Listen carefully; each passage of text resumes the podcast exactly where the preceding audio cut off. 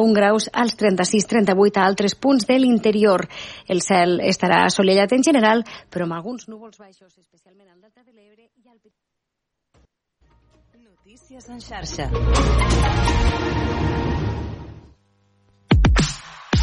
Aquest estiu, obert per vacances. Cada matí, de 9 a 11, a la teva ràdio local.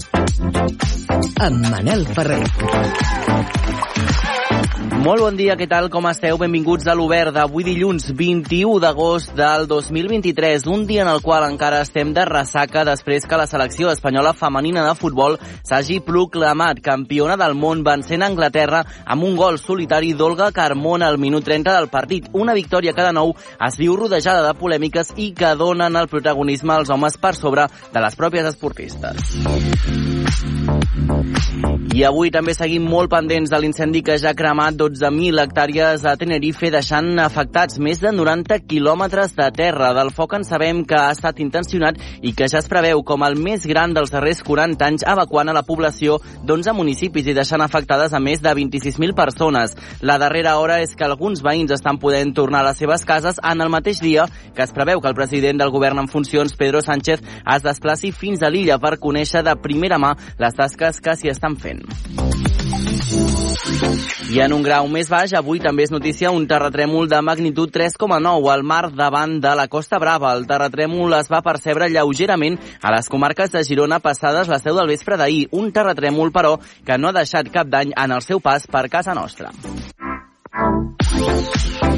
I en el programa d'avui aprendrem a cuidar la nostra alimentació durant les setmanes d'estiu. Parlarem de les condicions de treball dels temporers de Lleida. Anirem en directe també a Tenerife per conèixer també l'afectació d'aquest incendi i acabarem descobrint un nou guanyador o guanyadora del sorteig dels Premis Binari. Amb qui compartiries una copa de vi? Digue'ns-ho en una nota de veu al 628 841 055 i podràs guanyar dues ampolles de vi dins del nostre sorteig dels Premis Binari. Cada setmana hi ha un nou guanyador.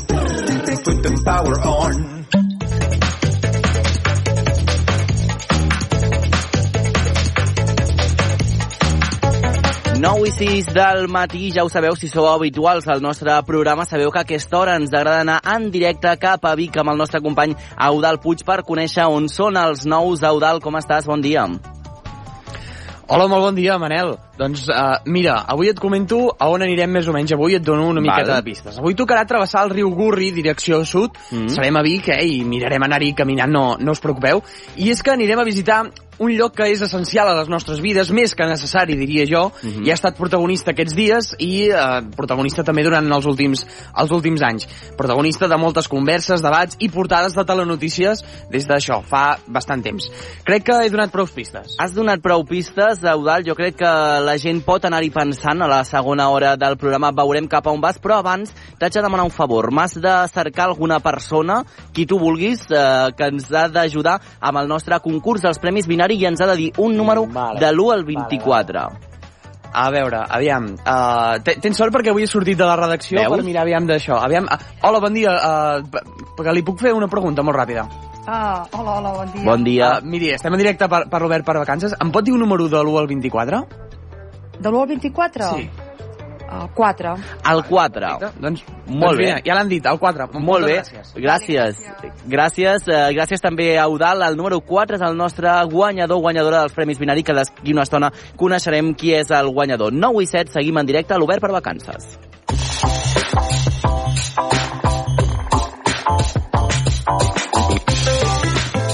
I en aquest estiu que estem ja visquent, arriben els accessos, picar entre hores i les altes quantitats de productes ensucrats, com els gelats, que ens agrada molt, i els refrescos gairebé glaçats. Segur que us sona perfectament del que us estic parlant. És època de sortir i passar l'estona asseguts a les terrasses, prenent molt sovint begudes alcohòliques, fredes i productes fregits que acostumen a anar acompanyats de salses. La Generalitat, però, indica i reivindica que la nostra dieta mediterrània és la millor aliada per passar un estiu saludable. Àngel Hernández, tu fas cas d'aquesta dieta mediterrània? Molt bon dia, Bon Manel, dia. com estem? Molt doncs bé. la veritat he de reconèixer que no, jo és que ja li deia a la nostra entrevistada Ai. que està aquí avui amb nosaltres, ja us avanço que és una dona, Mhm. doncs que jo la dieta, la veritat que la porto bastant malament perquè els meus hàbits de consum no són els millors, però bueno, no passa res. Es poden solucionar, Àngel, no et preocupis. Es poden solucionar després que em faci de, de coach Molt bé. I parlant de nutrició i aliments, és que ens trobem, que, que es troben a, a dalt de la piràmide alimentària, alguns dels coneguts objectius de desenvolupament sostenible van orientat als bons hàbits alimentaris. Aquests asseguren que l'alimentació és fonamental per garantir el bon estat de salut de les persones tant en el paper, atents, que desenvolupen els nutrients de la prevenció de malalties en la, o com la implicació d'alguns comestibles i en els hàbits de costum en el desenvolupament de problemes de salut crònics, com l'obesitat i la diabetis. El Departament de Salut, per exemple, recomana incrementar el consum de fruits secs pel seu alt valor en vitamines i omega-3. Recordem, Mm. eh, s'ha de consumir nous, festucs Sí. i aliments com aquests. I també insta la Generalitat a beure aigua en comptes de begudes alcohòliques, com comentaves, o ensucrades durant els àpats. I també, a més, insta i recomana en reduir la ingesta d'aliments salats com les patates braves que havies comentat al, Sí. que havies comentat a l'inici. I recordem que aquí la Generalitat ja aplica un impost econòmic a les begudes ensucrades com a mesura per reduir el seu consum. Exacte. Una altra cosa és que sigui efectiu, però Exacte. els cèntims ja els hi Els, posa. els paguem, si més no, eh? per donar consells de nutrició ara a l'estiu i així divulgar també els bons hàbits en l'alimentació. Tenim amb nosaltres a la Laia Martínez, ella és nutricionista i dietista d'atenció primària de Badalona, serveis assistencials. Bon dia, com estàs, Laia? Benvinguda. Bon dia. Gràcies. Uh, mira, ara amb la calor som molts els que trobem com una manera de lleugerar no? aquests fogots, uh, els menjar gelats, les orxates, les begudes ensucrades fresquetes. Des d'un punt de vista nutricional, com de recomanable i en quines proporcions s'han de consumir aquests uh, capricis uh, dolços i també fresquets? Laia, segurament ens dirà, escolta, també pots menjar una fruita fresqueta, no? Exacte, vull dir, el, aquest tipus d'aliments, d'aquestes begudes, al final, bueno, són begudes que poden estar incloses dins d'una alimentació saludable, no? Sempre que la freqüència de consum amb la que ho prenem, doncs no sigui també a diari i més d'una vegada al dia, no? Al final també podem buscar alternatives, opcions saludables fresquetes, com bé has dit, la fruita, o buscar algun batut, no?, que també puguem eh, refrigerar, de manera que també podem introduir eh, aliments saludables eh, en aquesta època de l'any. Uh -huh. I després també, com hem comentat, la, uh, les terrasses ara a l'estiu s'omplen de gom a gom perquè un pla molt estival és anar doncs, allà amb la família i amb els amics per prendre alguna cosa i sociabilitzar una estona. En aquestes reunions, doncs, les begudes alcohòliques com les cerveses i les conegudes braves, amb les seves respectives salses, doncs són un pilar fonamental d'aquestes reunions. Lai, una altra pregunta. Quins efectes contraproduents ens pot causar la nostra salut l'abús d'aquests productes salats i grassos? Bé, doncs, en aquests productes salats i grassos, eh, és veritat que, bueno, la, la sal en excés tampoc eh, està recomanada, no?, però bé, és el que dèiem abans, que si en fem un consum de manera més esporàdica, doncs no hi hauria tampoc cap, cap, cap problema. Òbviament també tenir en compte eh, les diferents malalties que pugui tenir cadascú, o com per exemple la hipertensió, que això doncs, Mm. llavors sí que doncs, afectaria molt més en la salut. Clar, de fet, eh, ara fèiem menció a aquestes braves, no?, que també, doncs, eh, traiem, fem bandera, no?, perquè és una cosa com molt nostra. Potser, Laia, una solució seria aquestes braves, potser que no fossin fregides i potser que apostéssim, doncs, per una altra manera de cuinar aquestes patates. I per aquí ve la meva pregunta. No sé si hi ha alguna manera també, doncs, de, de cuinar una mica saludable, eh, sense sortir tampoc, doncs, de tots aquest, aquest protocol eh, estiuenc. No sé si hi ha alguna manera també de fer baixar una mica aquesta temperatura del cos i tenir la sensació de que estem menjant mitjanament saludable. Clar, altres maneres de que podríem fer aquestes patates, per exemple, doncs seria fer-les al forn, Mm. no?, amb una mica d'espècies, amb una mica d'oli, sense que siguin fregides totalment. I altres maneres de, de refrescar-nos, que altres aliments que podríem consumir, doncs, per exemple, el que són eh, la, els gelats, no? Sí. que també ha sortit abans, doncs els podríem fer també nosaltres de forma eh, utilitzant aliments eh, que tinguem a casa, doncs, per exemple, les fruites, que poden ser, eh, les podem congelar, i també doncs, un iogurt que també poguéssim congelar i això tot eh, junt, triturar-ho i doncs tindríem un, un gelat que podríem utilitzar eh, motlles d'aquests que hi ha a vegades Mm. que venen com de silicona, no? Sí? I això doncs utilitzar-ho com un gelat eh, per refrescar-nos de forma més saludable. Molt bé. ja si volem fer un consum més habitual d'aquests productes. I després també parlant, que havia jo comentat al principi, algunes malalties cardiovasculars com l'obesitat i la diabetis. Quines altres malalties estan relacionades amb els hàbits de consum? Clar, al final eh, totes aquestes malalties estan bastant relacionades entre elles, no? Doncs eh, el que seria la hipertensió també doncs, podria ser una, una de les malalties no transmissibles que podria augmentar eh, doncs, quan consumim aliments rics en sal, rics en greixos, rics en sucres. Totes aquestes malalties al final entre elles estan relacionades, el colesterol elevat, els triglicèrids... Uh -huh. De fet, eh, Laia, crec que gairebé en aquesta conversa hauríem de sumar a la policia, no?, per quan veuen que fem això ens haurien de gairebé multar, perquè, clar, quan pensem en un dia de platja, de piscina, a la muntanya, que fa molta calor, i veiem eh, aquests eh, tàpers que porten truita de patates, ensaladilla russa, tots aquests productes que porten productes doncs, que es poden fer malbé i els exposem a tantíssima calor, és el pitjor dels perills que, que podem córrer, no?, a l'estiu. Sí, sí que és veritat que a l'estiu s'ha d'anar més en compte, mm. bueno, però la resta de l'any també, no? Mm. Però sí que és veritat que a l'estiu amb les altes temperatures és més fàcil que proliferin eh, certs microorganismes. Aleshores, una de les coses més importants, a part de que a la indústria tinguin cura, que ja, ja hi ha, òbviament, mesures per això, del més important és la manipulació dels aliments que puguem fer nosaltres a casa. Des del netejar, de netejar-nos les mans quan manipulem els aliments, o netejar els aliments que hàgim de menjar frescos, doncs per exemple una amanida o el que és la fruita.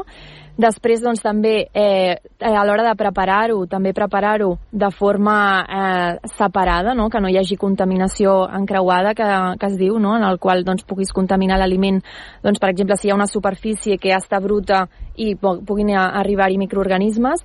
També és molt important el coure-ho bé, no? per exemple, aquesta truita que comentàvem, o quan és carn crua, doncs poder-ho eh, coure molt bé per evitar que eh, proliferin microorganismes i també el refrigerar-ho, sobretot ara a l'estiu, el poder refrigerar-ho i mantenir-ho refrigerat, sobretot si anem d'excursió, si anem a la platja, no? doncs portar la nostra nevareta amb el nostre gel, no? de manera que la temperatura varia el mínim possible i consumir-ho també el més av- aviat possible.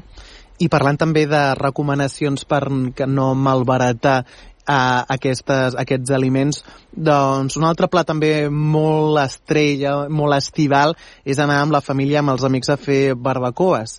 Uh, quines recomanacions, Laia, uh, els hi diries als nostres oients perquè aquestes peces de carns no, no es posin dolentes, no, no ens intoxiquem, per dir-ho d'alguna manera? Sí, amb el tema de les bac- barbacoes també està molt relacionat amb el que comentàvem abans, no? de tenir en compte aquestes mesures higièniques a l'hora de manipular els aliments i en quant a les carns també afegir doncs, potser el tema de no barrejar el que són els crus dels que són els cuits. No? Moltes vegades tens la, la safata de carn crua i al costat la safata de carn cuita, doncs intentar que no es barregin perquè no arribin a, a contaminar-se i també molt important la refrigeració posterior, és a dir, doncs no mantenir la carn un cop ja està feta o els aliments que ja estan cuinats més de dues hores fora a la nevera sense refrigerar i més quan hi ha temperatures elevades, ja que això pot doncs, mm, proliferar la, els microorganismes patògens. Després també ja tenia jo un dubte, Manel, que estava Sí. parlant amb ella abans, i és que jo, perquè ho sàpiguen els nostres oients, jo sóc una persona bastant morena, però bueno, sempre estic allà eh, posat, tinc interès en el Ai, món la de, de, pregunta, que me la veig a venir, Àngel. de Fes-la, posar-se fes-la. De posar-se moré, i és que hi ha la llegenda urbana, que ara que tenim aquí una dietista amb nosaltres, jo li volia preguntar, és si les eh, pastanagues tenen alguna cosa a dir per posar-nos morenos, perquè jo he escoltat a gent dir que licua les pastanagues i se les posa com si fossin crema solar. Què tens de dir, Laia, amb això?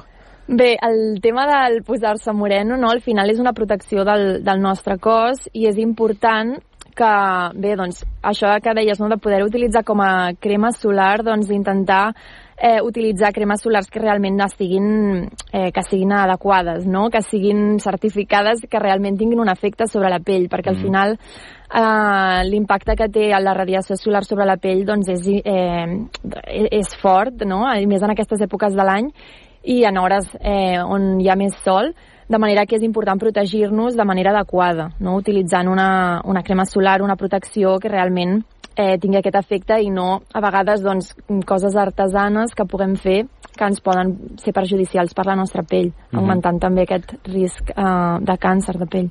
Doncs queda, queda resolt, eh? És una d'aquestes, eh, jo diria, fake news que hem d'anar mantenint amb el, amb el temps més enllà de que la pastanaga eh, sigui bona per moltes altres coses. I gairebé per acabar, Laia, volíem fer una pregunta, no sé si també per calmar una mica també la nostra consciència, parlàvem d'aquesta dieta que fem a, a casa nostra, suposo que també a altres indrets o altres eh, països de la geografia eh, també ho deuen fer malament i també deuen tenir conductes poc saludables, no? Sí, de fet, bueno, al llarg dels anys s'ha anat veient com l'alimentació la, va com empitjorant, no? degut també a l'ambient en el que estem exposat, en el qual doncs, augmenta el, el, la disponibilitat de productes que no, són, que no ens aporten gran cosa a la nostra salut i més bé el contrari, doncs són productes eh, que trobem envasats, no? processats, que doncs, són rics en sucres, rics en greixos, que que realment no, no ens són beneficiosos per la salut. I això ho podem mm. trobar a qualsevol país, no només aquí. Doncs, bueno, Manel, crec que ha quedat molt clar que ens ho la nostra nutricionista, sí. que la pastanaga és molt bona. Jo segueixo amb el meu tema de les pastanagues. que les sí. pastanagues són molt bones i té altres qualitats com per la vista, però bueno, que de manera per protegir-nos al sol, molt millor posar-nos una crema si uh, farmacèuticament testada que no pas posar-nos aquest comestible. Si us plau, eh? Si us plau, exacte. Cada cosa per la seva cosa. Laia, moltíssimes gràcies per passar per l'Obert per Vacances. Gràcies a vosaltres. Que vagi molt bé. Àngel, fins aquí una estona. Vinga, adeu.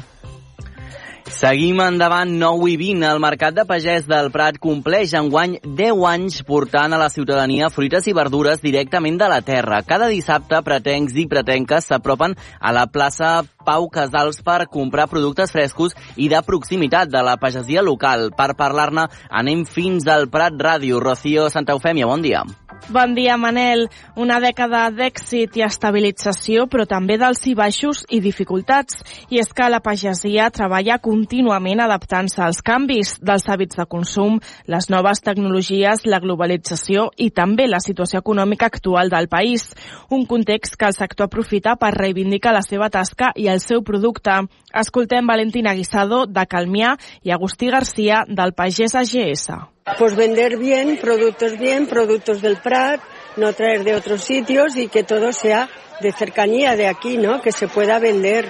Y es lo que la gente quiere, por eso son, somos payeses y vienen al mercado de payés. esforç que la gent continuï sacrificant-se aquí, perquè si no el més fàcil és obrir la teva botiga, com nosaltres la podríem tindre, obrim la botiga i està, però lo, lo guapo és l'ambient de mercat. Aquesta temporada estival està sent marcada per un clima que ha propiciat una gran collita de melons i síndries extraordinàriament positiva tant en quantitat com en qualitat. Un valor que la clientela pretenca destaca i defensa cada dissabte apostant pel quilòmetre zero al Mercat de Pagès. Sintonitza Obert per Vacances. 8 minuts per arribar a dos quarts de 10 del matí. Seguim a l'Obert per Vacances.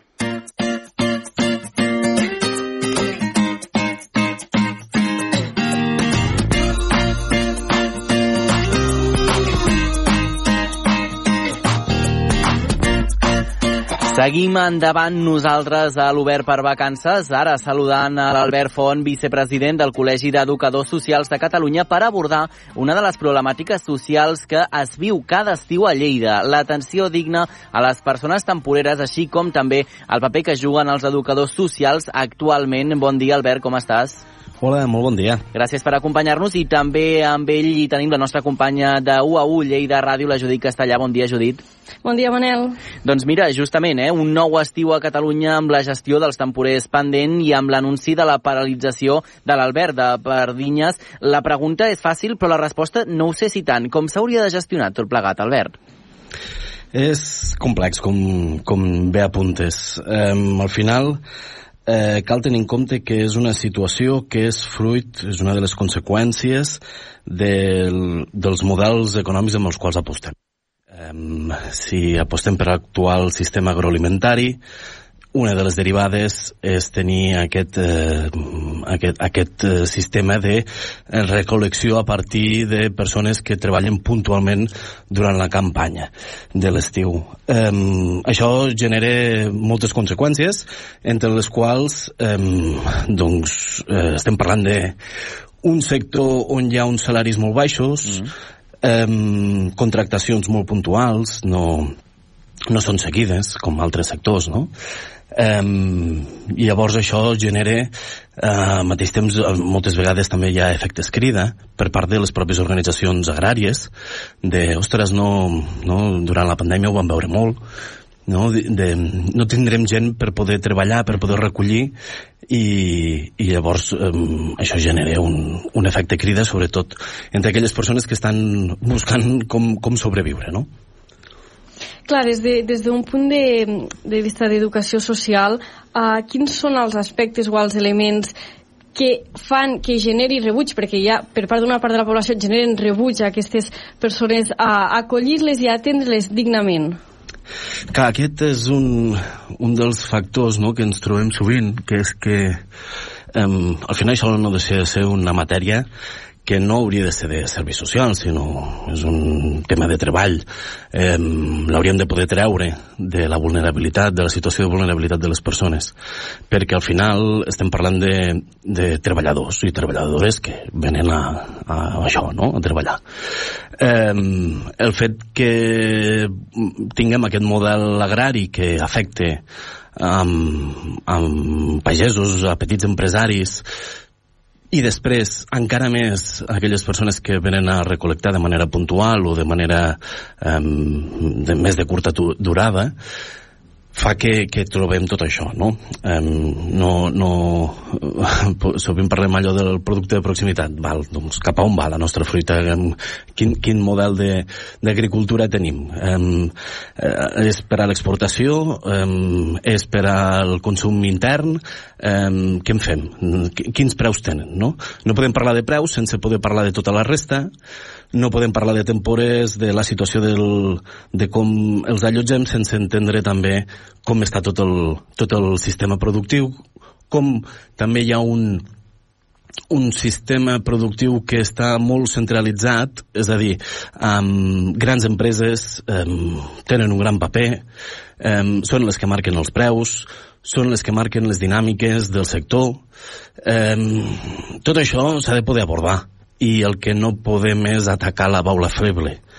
Um, al final, aquestes persones que, contra, que, que sense aquestes persones um, que són contractades de manera doncs aquesta, precària, no? com diríem en altres sectors, um, no tindríem fruita. Clar. I si no...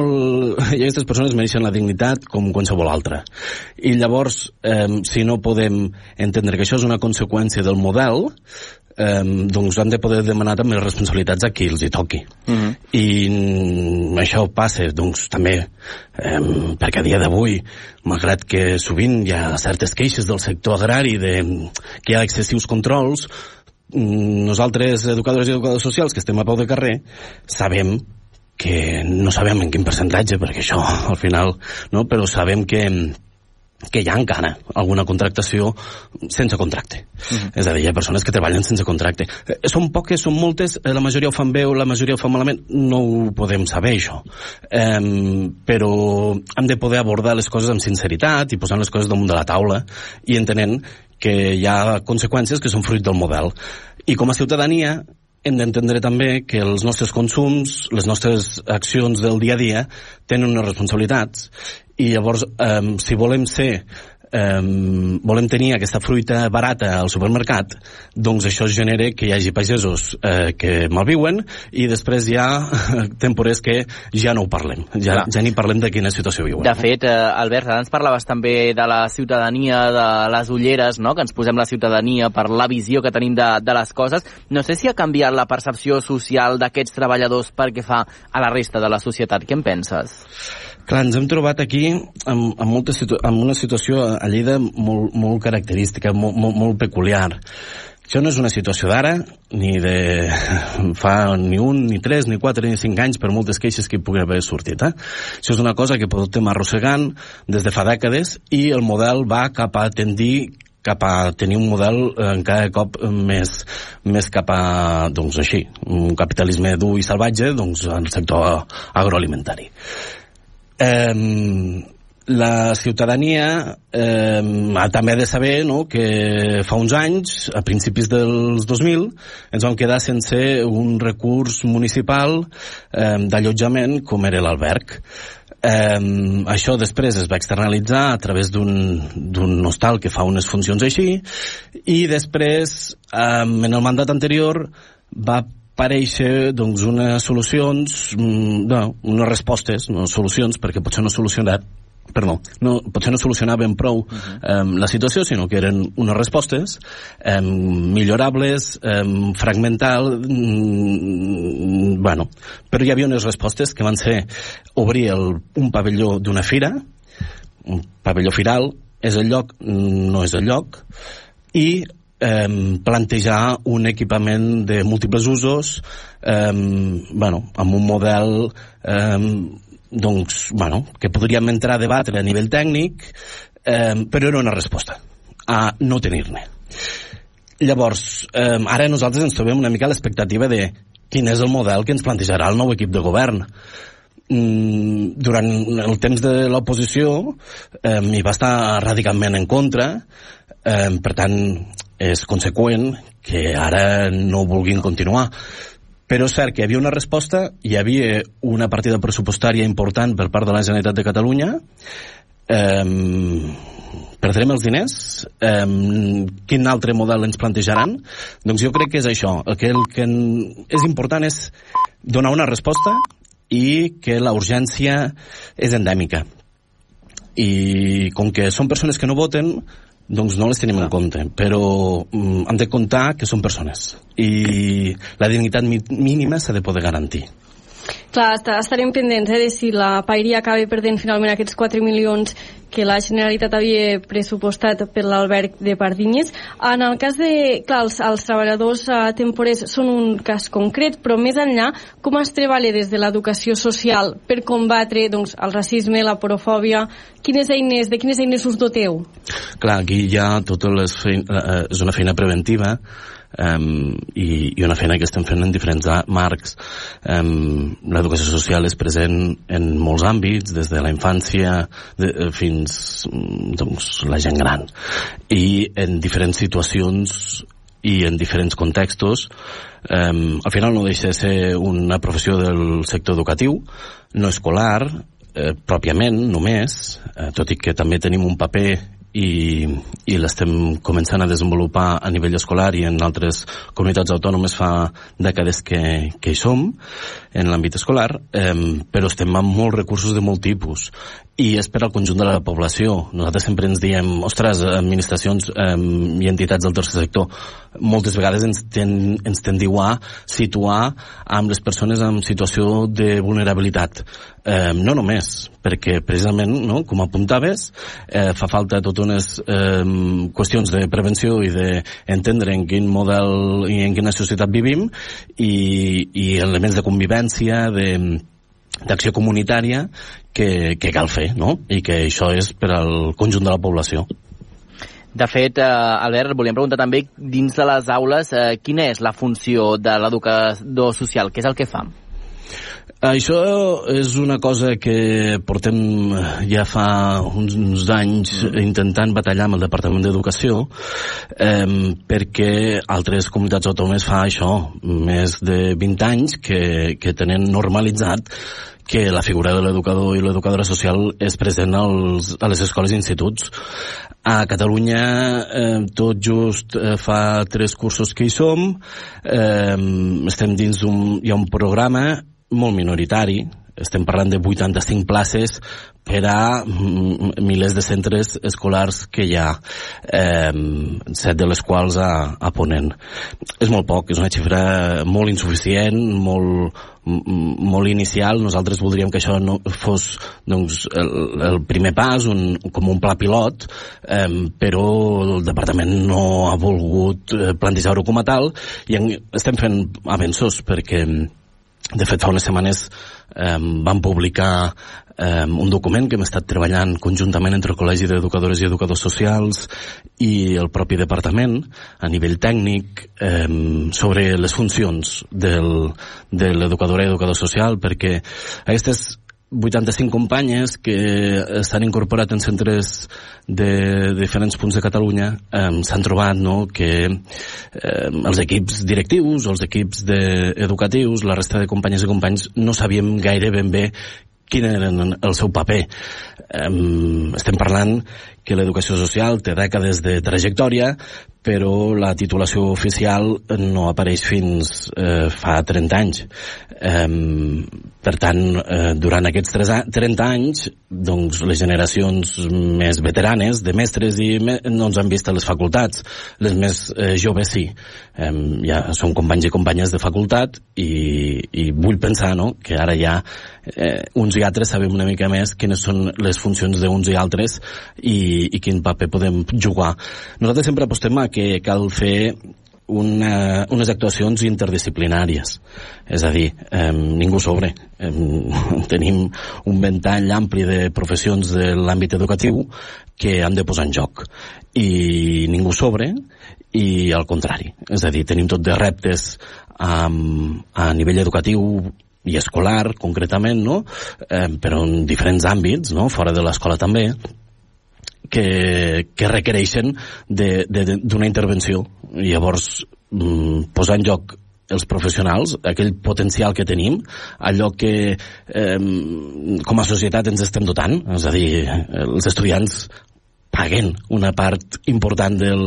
Eh, té un cost important per, per, per poder estudiar, però bona part eh, la finança l'administració la, pública, per tant vol dir que després ostres, si ho mirem des d'un punt de vista economicista, és important també posar-los en joc i aprofitar aquelles potencialitats que hi ha amb els diferents perfils professionals. I això fins ara ha costat una mica d'entendre, i, és sorprenent, eh? perquè tenim un, uns governs que tenen unes mirades molt economicistes i després doncs això no, no, no ho tenen present.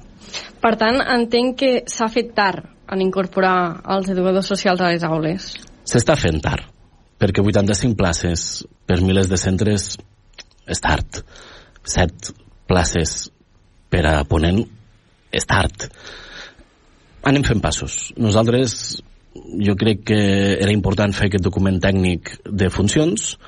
Nosaltres ja havíem fet, eh, tenim un grup de treball que de, amb companyes i companys que estan des de fa anys eh, fent comparatives de documentació i de eh, els informes que s'estan fent en altres comunitats autònomes i havien fet ja propostes en el sentit de funcions, de, eh, en el sentit de comparatives de paper, no? el paper que pot jugar l'educadora i l'educador social en els centres escolars. Mm, ens ha costat una mica entrar-hi. Eh, amb la Covid sembla que ho va facilitar, eh, la, la postpandèmia, Però bé, van haver d'exigir-ho els diferents grups parlamentaris en un parell d'ocasions. Uh mhm. -huh i l'any passat, eh, en aquestes dates, estàvem en una situació doncs, que tot just s'havia anunciat si continuaven o no, després de, de mig any de patir que semblava que desapareixia la figura. La figura no està consolidada ni molt menys al Departament d'Educació, no consta entre les professions eh, mm, pròpies del, del Departament i aquest és un pas que Funció Pública i el Departament han de poder consolidar, consolidar i ampliar. Doncs ens eh, quedarem amb això, tindríem moltes més preguntes eh, per parlar amb tu, Albert, si no un altre dia doncs, eh, podem fer una segona part perquè ens han quedat eh, temes pendents per poder xerrar amb tu, però ja saps que a la ràdio el temps passa molt ràpid, per tant, gràcies per acompanyar-nos, Albert eh, Font, vicepresident del Col·legi d'Educadors Socials de Catalunya, per passar avui per l'Obert per vacances. Moltes gràcies. Moltes gràcies a vosaltres i acabeu de passar molt bon estiu. I gràcies també, Judit Castellà. Fins la propera. Fins la propera. Obert per vacances. Busca'ns a la teva ràdio local.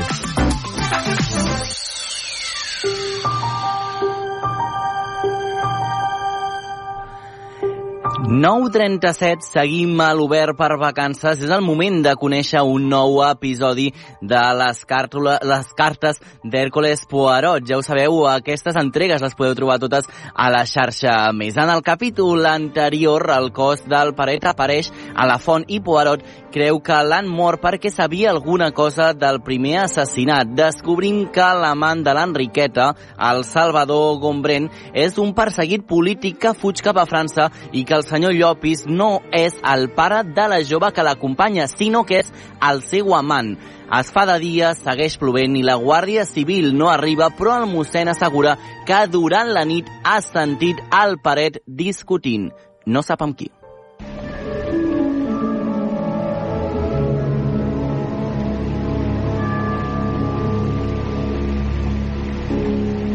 Encara plou. Les hores passen i la Guàrdia Civil continua sense arribar. Poirot s'ha retirat a una butaca i escriu una carta. És sorprenent, estimada Mrs. Christie, com una bassa d'oli es transforma en una galerna, com un cel clar de vacances s'enfosqueix amb la turbonada, com... En fi, perdoni'm, perdoni'm la literatura. Vull dir que aquests hostes sense història que li explicava en un paràgraf anterior han esdevingut persones de carn i ossos que menteixen, que duen una vida atapeïda de problemes.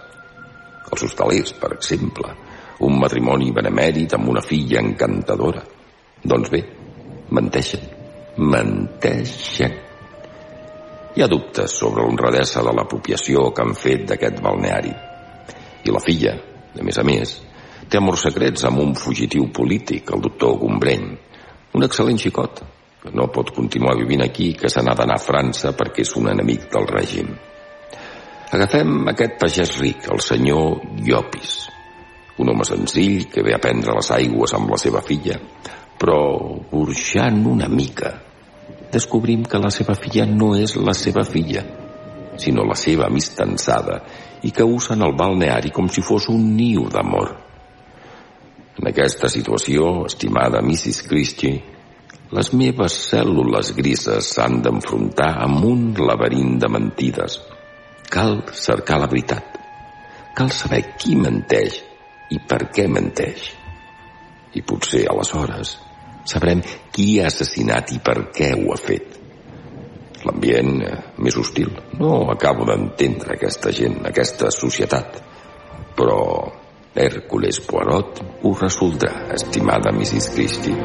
Li ho asseguro.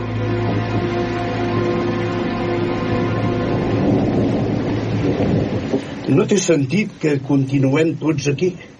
Jo me'n vaig a la meva habitació. I nosaltres a preparar alguna cosa per dinar. Jo pujo a veure què fan les criatures. Ja es deuen haver llevat. Eh, un moment, un moment, per favor, un moment, amics meus. Facin el que vostès vulguin. Només els vull recordar dues coses. La primera és ben senzilla. Hi ha dos cadàvers al brollador i encara no sabem qui és l'assassí. Si recorden alguna cosa i creuen que m'han d'explicar algun fet que no m'han contat, els prego que ho facin ara. La segona és òbvia. No intentin fugir. Ja sé que la pluja no convida a sortir, però un home desesperat en fi, jo romandré aquí per si volen parlar amb mi o per si algú pretén escapolir-se. El senyor Estivill i mossèn Pere Jaume s'enfilen pel cap d'escala que dona a la sala d'estar i porta les habitacions. La senyora Jordà i la seva filla Enriqueta se'n van cap a la cuina. Carles Llopis i Meritxell continuen asseguts en una de les taules de joc. Lluís Jordà s'està a prop del telèfon, per si un cas tornés a funcionar.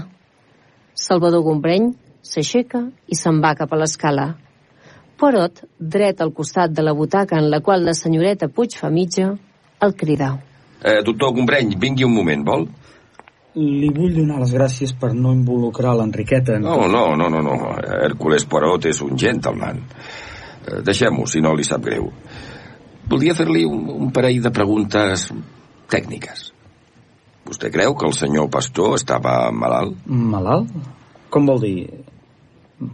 Sembla que no era el balneari per prendre les aigües. No, això ja ha estat demostrat. Però penso que potser patia alguna malaltia. Ah, fins que no es faci l'autòpsia no es podrà saber del cert. Ara, després de l'examen superficial que vaig sotmetre al cadàver, jo diria que no, que no patia cap malaltia greu. Molt interessant. Miri, aquest sobret el vaig trobar entre les pertinences del cadàver. No aconsegueixo descobrir què són aquestes pólvores. És un fàrmac, això és evident, però quin?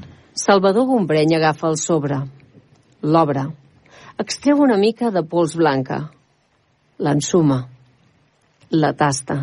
Mm. Penicilina, sense cap mena de dubte. No crec, però, que el senyor Pastor em prengués. Per què? La penicilina és molt difícil d'obtenir a casa nostra. Fins se'n fa contraband des d'Andorra. A més, no és un remei per anar aprenent durant massa temps. Més aviat l'usen com a medicament de xoc. Vol dir, doncs, que si el senyor Pastor tenia aquest sobre no era per motius de salut? No, li ho puc garantir. Potser l'havia comprat de contraband a Andorra i el duia damunt per atendre alguna necessitat. Contraband. Hm. És molt interessant. Eh, gràcies, doctor Gombreny. Eh, quan a la conversa d'aquesta nit eh, sordeixo una mica, sap? I no, no, no m'he assabentat de res. Però quan arribin els guàrdies miraran les fitxes de tothom. Sóc estranger, amic meu, i no vull entrar en qüestions internes del seu país. Té tota la meva simpatia, però em vull mantenir neutral. Eh, perdoni que em fiqui allà on no em demanen, senyor Poirot, però la seva actitud no és correcta. Aquest xicot, pel que he sentit, és un patriota, un home d'honor que lluita per uns ideals. No podem permetre que...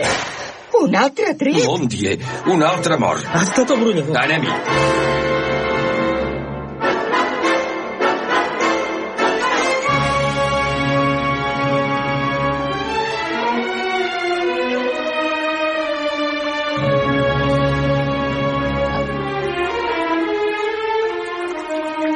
A la glorieta del brollador, els cadàvers de Vicenç Pastor i Paret són coberts amb sengles flaçades. Recolzat a la pica, amb el cap caigut, la sotana arromangada, desballestat, hi ha mossèn Pere Jaume. Mossèn! Gombreny és el primer a entrar. S'agenolla al costat del capellà i l'examina. És viu. Poirot el segueix. Hem tingut sort. Mira al voltant i descobreix a terra una pistola primitiva de pany de Miquelet. Voilà, l'arma. Es treu un mocador de butxaca i curosament la recull. La senyoreta Puig també ha entrat i s'ha agenollat al costat del capellà. A terra hi troba un bocí de mirall. L'agafa i l'amaga entre la llana de fer mitja que du a la falda. És greu la ferida? Sembla superficial, però, però ha perdut el coneixement. Arriben Enriqueta Jordà i la senyora Jordà, que es queden esbarades a la porta de la glorieta. Darrere d'elles, Carles Llopis i Meritxell. Eh, no entrin, no entrin. Deixin que examini el lloc abans. Uh, Llopis, Porot, Enriqueta, ajudeu-me a dur-lo fins a la Eh, sala. un moment. L'arma, eh, vostè, senyoreta Puig, n'és la responsable. Que ningú no la toqui. Hi pot haver empremtes digitals, d'acord? Els tres homes, Gombreny, Poirot i Llopis, alcen el cos de mossèn Pere Jaume i se l'enduen, seguits de la senyora Jordà, Enriqueta i Meritxell. La senyoreta Puig es queda sola. Examina el bocí de mirall que ha trobat i se'l torna a ficar a la bossa de la mitja. Després agafa la pistola amb tota cura i surt del brollador.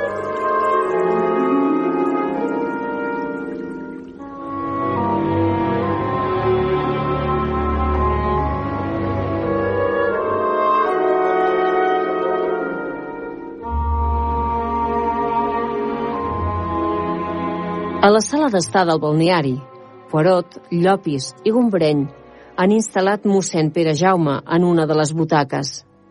Gombreny s'afanya al seu costat. Enriqueta, si et plau, eh, puja a la meva cambra i porta'm el maletí de metge que hi tinc. Ara mateix. I vostè, senyora Jordà, eh, dugui'm un drap mullat i una mica de vinagre. De seguida, doctor. Atemptat contra un home d'església. On s'és vist? Eh, mossèn Pere Jaume va sentir una discussió a nit. Opino que no ens va dir tot el que sabia. M'ha dit l'Enriqueta que... On era? He posat a fer els llits. Bé calia que algun tingués cura amb la desgràcia d'en Paret. Eh, Tingui, doctor, el que m'havia demanat, el drap i el vinagre. senyoreta Puig, eh, vingui, vingui, eh, doni'm. Què és això? Finalment hem trobat l'arma. Aquest cop l'assassí l'ha deixada al lloc del crim. Aquí té l'arma, inspector. Senyor Jordà, miri-la bé. L'havia vista mai? Una pistola antiga. Però si amb això no es pot disparar. Estic segur que ha matat dos homes i n'ha ferit un altre. El maletí. Gràcies. Salvador Gombreny obre el maletí. N'extreu gasses, una ampolla d'alcohol i procedeix a fer una primera cura d'urgència al capellà, encara inconscient. I vostè, doctor, l'havia vista mai? No. Sembla una pistola de Ripoll. Eh, Pel pany de Miquelet, ho dic.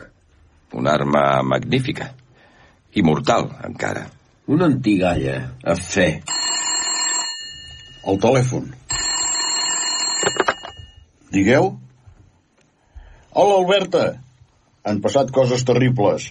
Han matat en Paret, el mosso, i han ferit un dels hostes. Eh, Un capellà, sí. Que ja ha parat de ploure? No, aquí eh, encara en fa gotes. Un parell d'hores? Sí, sí, d'acord. Adéu, Alberta. I bé? S'havia espatllat la línia. A Martinet ja no plou i els guàrdies civils ja venen. Seran aquí a primera hora de la tarda. El jutge els acompanya. El brigada insisteix que no toquem res fins que no arribin. Ja no plou, sembla que s'estira. Eh, doctor, com està el nostre ferit? La ferida és superficial. La bala només ha aixecat la pell del front. Em preocupa, però, que no hagi recuperat el coneixement. Bé, esperarem que es recuperi i que ens digui què ha passat. I ara, tornant a la pistola... Pel cap d'escala baixen la senyora Estivill i els seus fills, Jaumet i Mariona. Què ha passat? On és el meu marit? Un dia, mira quina pista té el senyor Poirot. És una pistola de pirata, com la del papa. Nens, calleu i pugeu altre cop a l'habitació i no us mogueu fins que us Eh, avisi. un moment, un moment, senyora. Eh, El seu marit no era amb vostè? No, jo em creia que havia baixat abans. Mm, digueu, nens, eh, coneixeu aquesta pistola? És una pistola antiga. El papa en té dues d'iguals. Les van comprar a Ripoll quan veníem. La mama no volia perquè deia que ens podrien fer mal si jugàvem. Dues iguals? Sí, en una capsa de fusta molt maca. És cert, senyora Estivill. El meu marit és col·leccionista d'objectes antics. La setmana passada, quan veníem a prendre les aigües, ens vam aturar a Ripoll i va comprar un estoig d'armes a casa d'un antiquari. Aquesta pistola és una de les que va comprar. No ho sé del cert. Si assembles, sí. Però això li dirà al meu marit. L'estoig eh, el tenen a la seva cambra? Sí. Vol que el vagi a buscar? Eh, serà millor que no. Vostè vingui i segui aquí. Eh, senyor Jordà, li faria res pujar i mirar de trobar l'estoig? Ara hi vaig. Què ha passat? On és el meu marit? No era amb vostè. Ha pujat fa una estona. Una hora, potser. Jo llevava els nens, però s'ha anat de seguida. I no li he dit on anava. No, no li he demanat. Però on podia anar? M'he imaginat que tornava a la sala amb, amb tots vostès. On és el papa, mama? Ara vindrà, rei meu. Mamà, tinc gana. Que no han esmorzat? No, no han pres res. Que voleu pa, manteca i un got de llet, bufons? Sí, sí, senyora. Sí, senyora. Au, va, veniu amb mi. La senyora Jordà i en Jaumet i la Mariona surten cap a la cuina. Eh, estimada senyora, digui'm, el seu marit coneixia el senyor pastor? No, no ho crec pas. Quina feina fa el seu marit? Es dedica al ram de la química. Ell i un soci seu tenen una fàbrica a Sabadell de productes farmacèutics. Ha dit abans que el seu marit ara es dedica també a col·leccionar armes? Oh, una mica de tot. A casa té algunes pistoles antigues. Sobretot, col·lecciona objectes de metall. I en tenen armes el seu marit? Com vol dir? Si l'ha vist mai greixant-les, carregant-les, disparant-hi. No, no senyor. Però on és? Però per què no el van a buscar? Mossèn Pere s'està recuperant. Sembla que es retorna. Pot parlar? Encara no. Senyor Porot, senyor Porot, vingui, vingui, corri. En sentir la veu del senyor Jordà des del cap d'escala, Poirot hi va de seguida. Darrere seu, la senyora Estivill s'aixeca d'una revolada i li va al darrere, però la senyoreta Puig la reté. No es mogui, senyora. És millor que torni a seure. Apareixen el senyor Jordà i Poirot. Entre tots dos, mig desmaiat, el senyor Estivill. El senyor Jordà du un estoig de fusta sota el braç. Baixen per l'escala i en arribar a la sala fan seure el senyor Estivill a la butaca on seia la seva dona, que ara sí, roman dreta, plorant, i cridant. Joan! Què et passa, Joan? Què t'han fet? He entrat a l'habitació del matrimoni. No hi havia ningú. L'estoig era damunt el capterano. L'he agafat i he sortit. Quan començava a baixar he sentit un gemec. Venia de la cambra del pobre senyor pastor. De primer m'he esbarat una mica. Eh, he fet el cor fort i he entrat. A terra, sense sentit, hi havia el senyor Estivill. Té una contusió al cap. És greu? No, no, si no hi ha complicacions no serà res. Eh, Per favor, un drap mullat. De seguida. Estic bé. No es preocupin. Què, què ha passat? He pujat a la cambra dels nens. La meva dona els llevava. He vist que tot anava bé i he decidit tornar a baix per si em necessitaven. Llavors, he entrat a la nostra habitació per agafar un mocador. He sentit soroll. He sortit i he vist que la porta de la cambra del senyor pastor es tancava. I he anat. He obert. He entrat. I no recordo res més. De sobte he sentit un dolor molt fort al cap. I quan m'he retornat, el senyor Jordà m'ajudava i... I el mossèn, què li ha passat? Han intentat assassinar a mossèn Pere. L'hem trobat al brollador, ferit. D'un tret d'aquesta pistola. La reconeix? És... és... On l'han trobada? Al costat del pobre capellà. Acabada de disparar. Digui. La reconeix. És meva. Aquí hi ha l'estoig. Tingui, senyor Porot. Poirot agafa l'estoig. L'obre. No hi ha cap pistola. També hi manquen els atuells de càrrega, el pot de pólvora i les bales de plom. Aquí falten dues pistoles. Una és aquesta, però... I l'altra? Senyor Estivill, pot explicar-nos què ha passat amb les seves pistoles? Jo... eh, Bé, les vaig comprar en un antiquari de Ripoll. Són dues peces de col·lecció. Les tenia desades a la cambra. No sé res més. N'està segur. Què vol dir? No sap qui les ha agafades? No sap qui té la parella d'aquesta pistola que ja ha matat dos homes i n'ha ferit un altre? Jo no sé res. I no toleraré que un estranger m'acusi davant de la meva esposa. Calma, senyors, calma. La Guàrdia Civil arribarà aviat i ells es faran càrrec d'aquesta afer. No caldrà. Només hauran de detenir l'assassí de Vicenç Pastor i del criat Peret. Hércules Poirot ja ha resolt el cas. Ja sap qui és? Magui, Maxemi. I el per què? Lògicament.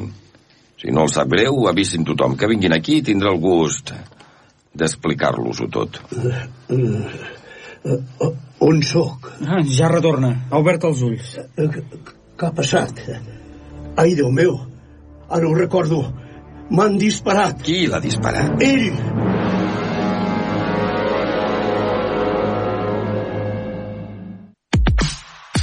Obert per vacances.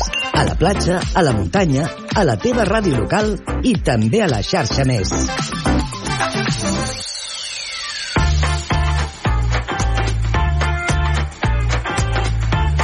M'ha disparat ell, per favor, no puc més, necessito saber més d'aquestes cartes de l'Hércules Poirot. La setmana que ve en tindrem més. Anna Gasol, ràpidament, molt bon dia, com estàs? Molt bon dia, jo també vull saber qui és ell. Estic molt nerviós. Bé, dit això, eh, seguim cercant la nostra cançó de l'estiu al 628 841 055 i tenim respostes, Anna. Tenim respostes i aquí les tinc preparades. Hola, em dic Rocío, soc d'Almenar i la meva cançó favorita és eh, Bachata de Manuel Turizo. Molt bona. Mira que tropical. Un besito. Gràcies. Pato per tu. Hola, sóc Olga de Badalona. Per aquesta setmana us escolto des de Montblanc. La meva cançó de l'estiu és Algo sencillito de Marta Santos, perquè, com diu la cançó, hem de gaudir de les petites coses de la vida. Oh, tant que sí. Que passeu bon dia. Adéu.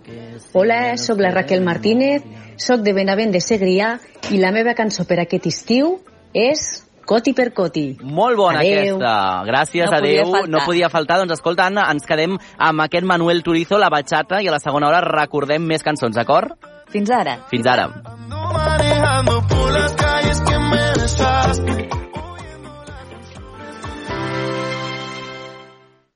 La xarxa de comunicació local.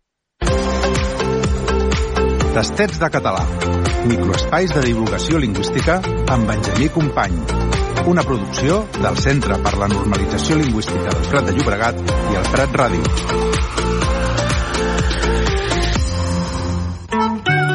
Avui és un bon dia per fer un bon esmorzar. Tens gana quan et lleves o, o ets dels que t'agrada esmorzar a mig matí? I què t'agrada menjar per esmorzar? Cafè i una pasta? Potser un entrepà? O t'agrada un esmorzar d'aquells de forquilla i ganivet? Si t'agraden les pastes, recorda que no hem de dir bulleria i que les palmeres n'hem de dir ulleres. En canvi de les magdalenes, sí que en podem dir muffins o cupcake, segons com estiguin fetes. Els muffins acostumen a portar altres ingredients i els cupcakes, farciment que no es diu relleno, hem de dir farciment. Recordeu que no hi posem sirope, sinó xarop i que també hi podem afegir panses, no passes, que això és per caminar, i gingebre. També hi ha possibilitat de fer unes torrades i posar-hi diverses coses. Podem fer-nos unes torrades amb pa amb tomàquet i posar-hi embotit. Xoriço, fuet, llonganissa, pernil dolç o salat. I aquí a les torrades s'hi posa el bocat. Eh, eh, recordeu bé, eh? El bocat és una fruita. No ho confongueu amb un advocat, que és un senyor que ens ajuda quan hi ha problemes legals. A les torrades també s'hi podem posar mantega i malmelada, que pot ser de préssec, d'albercoc, de maduixa, de pruna, etc. Però també pot ser de fruits vermells. Sabeu diferenciar-los? Els navius o mirtils, en castellà aràndanos o mirtilos, i en anglès blueberries, són rodons i d'un blau lilós i una mica més grossos que els pèsols. Els saranyons s'assemblen molt i en castellà en diuen aranyon o endrina. Els gerds, que en castellà són frambueses o raspberry en anglès, són d'un vermell tirant a fúcsia i recorden les mores perquè no són una bola compacta, sinó que està format de granets junts. Les mores són negres quan són madures, per això en anglès en diuen blackberry. Les groselles són molt vermelles, rodones i compactes com els gerds, però més petites, i de vegades venen en rams. En anglès en diuen gooseberry. Per acabar l'esmorzar, ens podem fer un típic cafè amb llet, un tallat o un batut de fruita. Però atenció amb el batut de fruita, eh? No en digueu un smoothie. Per favor, eh? Per favor. La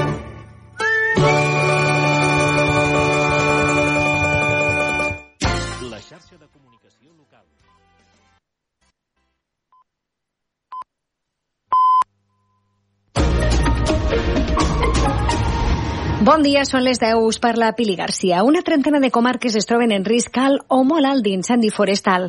Els agents rurals han fixat el nivell 3 del Pla Alfa en 70 municipis de 13 comarques amb un perill molt alt o extrem d'incendis. Eleven a 35 les comarques al nivell 2 amb un perill alt o molt alt i deixen 4 al nivell 1 amb un perill alt o moderat. En el cas de les zones amb un nivell màxim, el 3, han quedat tancats els accessos al parna, als parcs naturals del Garraf, el Montsant, el Montmell Marmellà, els Ports, Montsec d'Ares, Montsec de Rúbies i la Baronia de Rialp. De fet, aquest matí s'ha declarat un incendi a Sant Martí de Massana, a la Noia, que ha quedat extingit, segons ja han informat els bombers. El foc ha cremat matolls a baixa intensitat i han traslladat s'hi han traslladat per extingir-lo set dotacions del cos. L'avís d'incendi s'ha donat a tres quarts de set del matí. I una persona mort en un accident de trànsit a la carretera A2 a l'altura del punt quilomètric 454 al Carràs, al Segrià. Segons han informat el Servei Català del Trànsit, els Mossos han rebut un avís a les 5.40 d'aquest matí. Per causes que s'estan investigant, hi ha hagut una col·lisió per eh, encals entre dos camions i un d'ells ha acabat volcant.